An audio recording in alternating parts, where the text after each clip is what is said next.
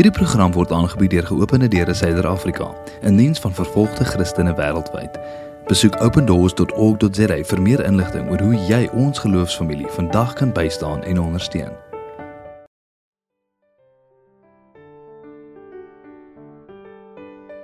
Jy luister na Werkende Wondervrou, 'n potsending vir werkende ma's. Werkende Wondervrou, die perfekte kombinasie van geloof, ma wees, 'n suksesvolle loopbaan en 'n doelgerigte lewe. Aangebied deur besigheidsvrou en ma van 2, Rona Erasmus. 15 minute elke Vrydag om 1uur.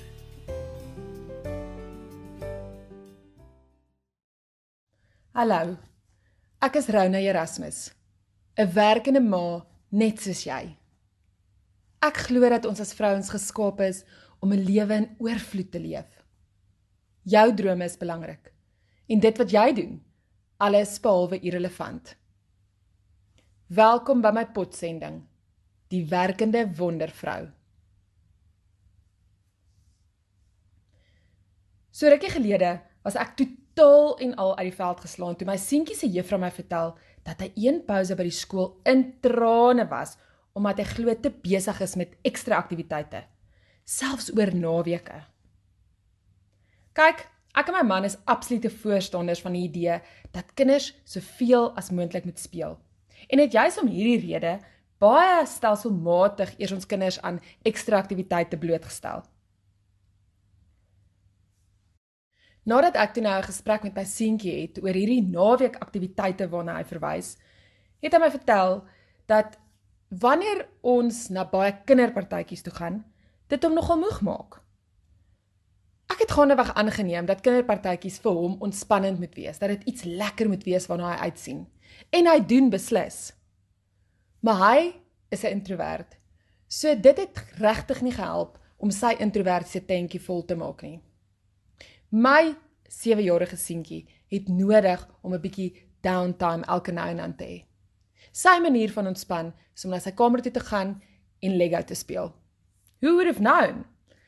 Vir my wat 'n ekstrovert is en wat regtig ander mense se emosies en in ander mense se omgewing moet wees om myself te herlaai, was dit nogal 'n absolute kopskuif om te maak. Die realiteit is dat elke liewe een van ons uniek aan mekaar gesit is. Unieke drome koester en unieke persoonlikhede het. Wat vir jou dalk belangrik is, mag moontlik heel onder aan my prioriteitslysie lê. En dis presies hoe dit moet wees. Maar hoe maak ek en jy dan seker in 'n samelewing wat ons altyd in 'n sekere rigting in wil dwing en wil druk en wil sê dat sekere dinge meer aanvaarbaar is as ander? Dat sukses vir ons almal presies dieselfde moet lyk. Dat daar 'n tipe van 'n tik lysie is wat jy moet afmerk om seker te maak dat jy die regte goedjies doen wanneer jy 'n mamma is, wanneer jy 'n vrou is, wanneer jy 'n werkende vrou is. Met al hierdie verwagtinge en al hierdie idees van hoe dinge moet wees. Hoe maak ons dan seker dat ons nie ons kosbare tyd aan dinge spandeer wat nie noodwendig bevorderlik vir onsself of ons doelwitte is nie? En meer nog, wat nie vir ons belangrik is nie. Nou eerstens is dit bitter belangrik om jouself te ken en te weet wat jou unieke drome is. Nou ek besef nou hierdie klink. Jy leef dan elke dag saam met jouself, so natuurlik ken jy jouself goed. Of doen jy? Ongelukkig is dit nie altyd die realiteit dat almal van ons werklik onsself in ons wesens in ons diepste binneste ken nie. Ons verloor onsself so maklik in al hierdie rolle wat ons vertolk. Dit voel nog soos gister wat ek vir die eerste keer in 'n life coach se stoel gesit het. Dit was net so nadat my tweede seentjie gebore is en sy eerste vraag aan my was: "Rona, waarvan hou jy?" Nou op daai stadium het ek teruggesit en gedink: "Ek betaal nou iemand om vir my 'n simpel vraag soos hierdie te vra. Ek bedoel, waarvan hou ek? Waarvan praat jy?" En dis ook wat ek van gevra het. Ek het van gevra maar na wat verwys hy? Verwys hy na wat se karre ek van hou, hoe my huis eendag moet lyk, verwys hy na ehm um, waarvan my kinders hou, wat my man van hou en hy het net vir my gesê ek het vir jou gevra waarvan hou jy? Dit het my rukkie gevat om te besef dat ek glad nie eintlik meer weet waarvan ek, ek Rona, die mens wat God perfek en met 'n baie spesifieke plan aan mekaar gesit het, weet waarvan ek hou nie. So ons het klein begin. Ons het begin met dinge soos hoe hou ek daarvan om my eiers te eet? Watse drinkgoed verkies ek? Hoe drink ek my koffie? Hou ek ooit van koffie? Wat is my manier van ontspan? Kyk voor hierdie gesprekke kon ek vir jou lyste aframmel van presies wat my besighede nodig het. Wat my man en my kindertjies nodig het. Wat almal rondom my nodig het. Maar ek het so iewers tussen vrou vir my man raak, ma vir my seentjies raak, het ek so 'n bietjie van myself verloor. So glo vir my as ek sê dat dit 'n redelike proses was om weer terug te kom by wie ek is.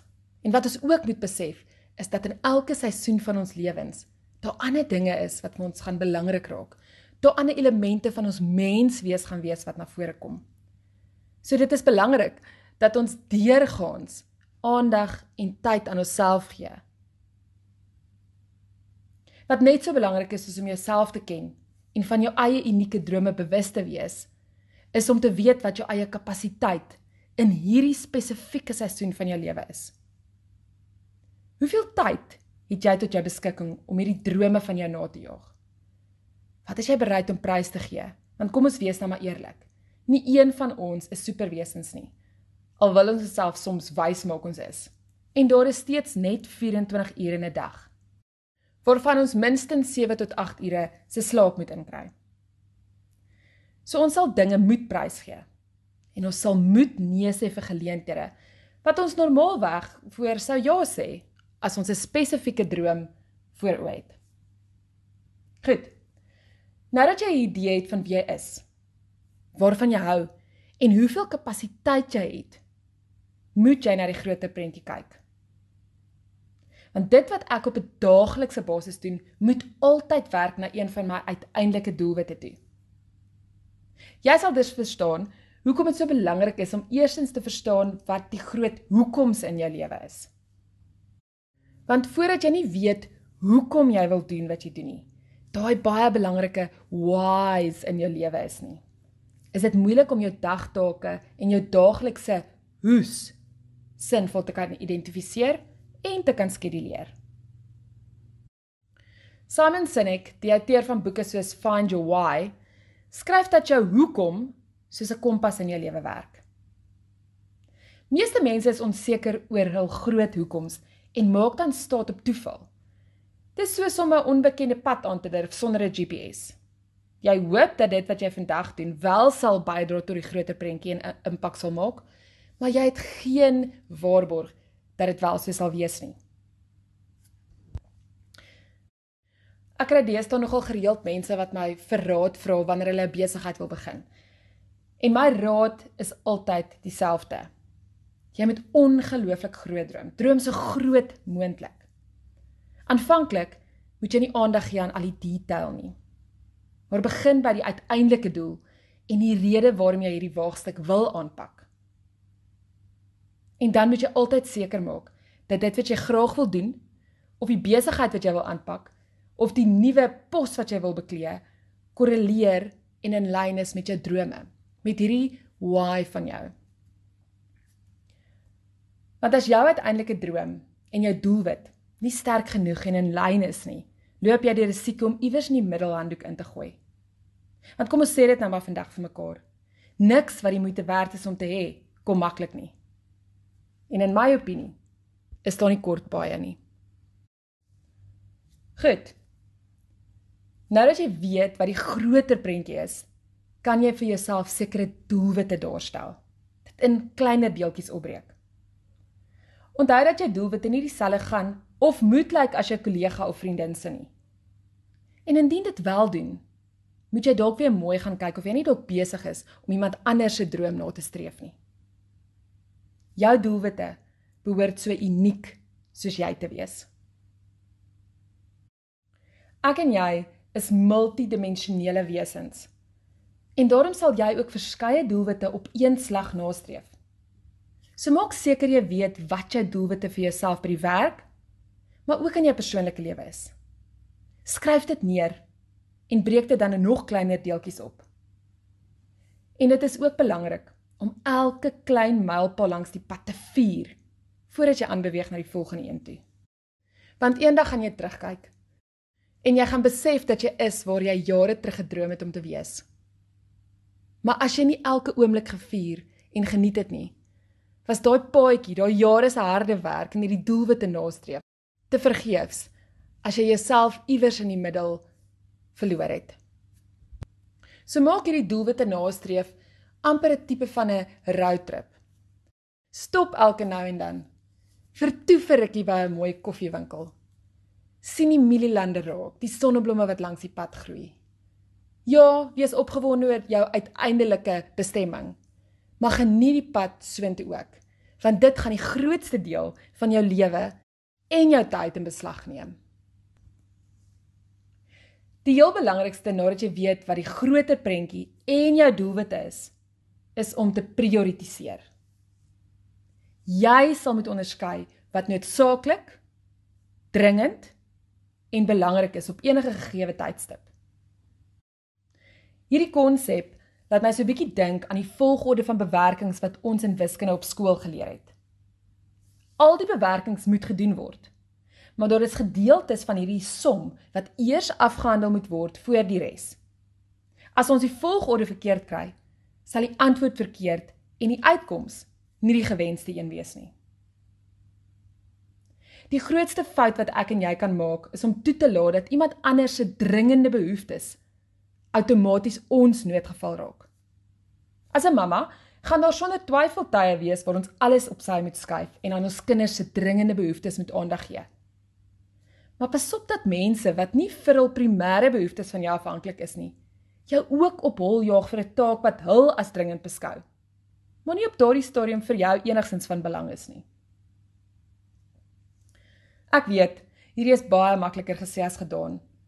Maar as jy bewus is van jou hoekoms en daarom ook die daaglikse hoes, sal jy seker maak dat elke taak wat jy verrig en aktiwiteit word toe jy jouself commit 'n bydrae lewer tot jou uiteindelike droom. Goed. Jy het nou die volgorde van belangrikheid uitgewerk. Nou moet jy begin skeduleer. Iets wat vir my werk is om aan die einde van 'n week my skedulering vir die volgende week te doen. Dis belangrik om so ver moontlik jou take eweredig te versprei deur die hoeveelheid werkstof wat jy in 'n week het. Ek skeduleer rus en ontspanning wat tyd saam met my man en my seentjies insluit altyd heel eerste. Omdat tyd saam met hulle deurgangs my eerste prioriteit bly. Ek besef dat almal van ons nie natuurlike beplanners is nie en dat sommige van ons soos ek nie baie lief is vir rotine nie. En dis ook reg so. Daar is hordes apps, programme en hulpbronne op die mark wat jou hiermee kan help. Skaf gerus iets aan wat vir jou werk. As ons een ding in die afgelope paar jaar geleer het, is dit dat tyd so kosbaar is. Ek en jy is nie ons volgende asemteug gewaarborg nie. En daarom, as jy dit nog nie werklik begin doen het nie, is dit dalk tyd om aandag te gee aan waaraan jy jou tyd bestee. Ek som gou op. Dit is eerstens bitter belangrik om jouself te ken en te weet wat jou unieke drome is. As jy 'n idee het wie jy is, waarvan jy hou en hoeveel kapasiteit jy het, moet jy na die groter prentjie begin kyk. Wanneer jy nou hierdie groter prentjie voor oë het, kan jy vir jouself sekere doelwitte daarstel. As jy doelwitte daargestel het, moet jy begin prioritiseer en dan skeduleer. Onthou om altyd hierdie groter prentjie voor oë te hou. Maak seker dat jou groter prentjie juis die groter prentjie is wat Jesus oor jou droom. Hy het jou so perfek en so spesiaal en so spesifiek aan mekaar gesit vir 'n tyd soos die. Hy weet wat hy vir jou lewe beplan het. En daarom kan jy rustig wees in die wete dat wanneer jou hart vol is van iets, dit van Jesus afkom. Deur te weet wat jou drome werklik is, na die groter prentjie te kyk, unieke doelwitte vir jouself daar te stel, te prioritiseer en dan te skeduleer, sal jy minder waarskynlik in die struik trap om tyd te mors met dinge wat onbelangrik en onbenullig is.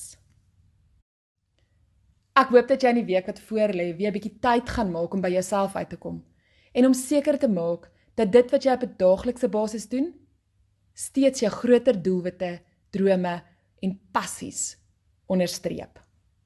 Ek hoop jy het 'n fantastiese week.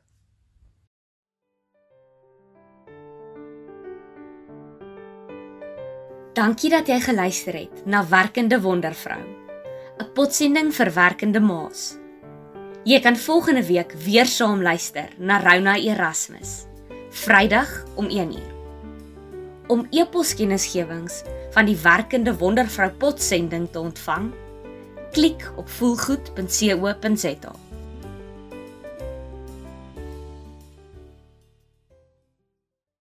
Die is Helen se storie. Sy is 32 maande in 'n skeepsvraghouer aangehou. Sy is gemartel, gevra om haar geloof te versaak, maar sy kon nie. Ons broers en susters is steeds opgesluit.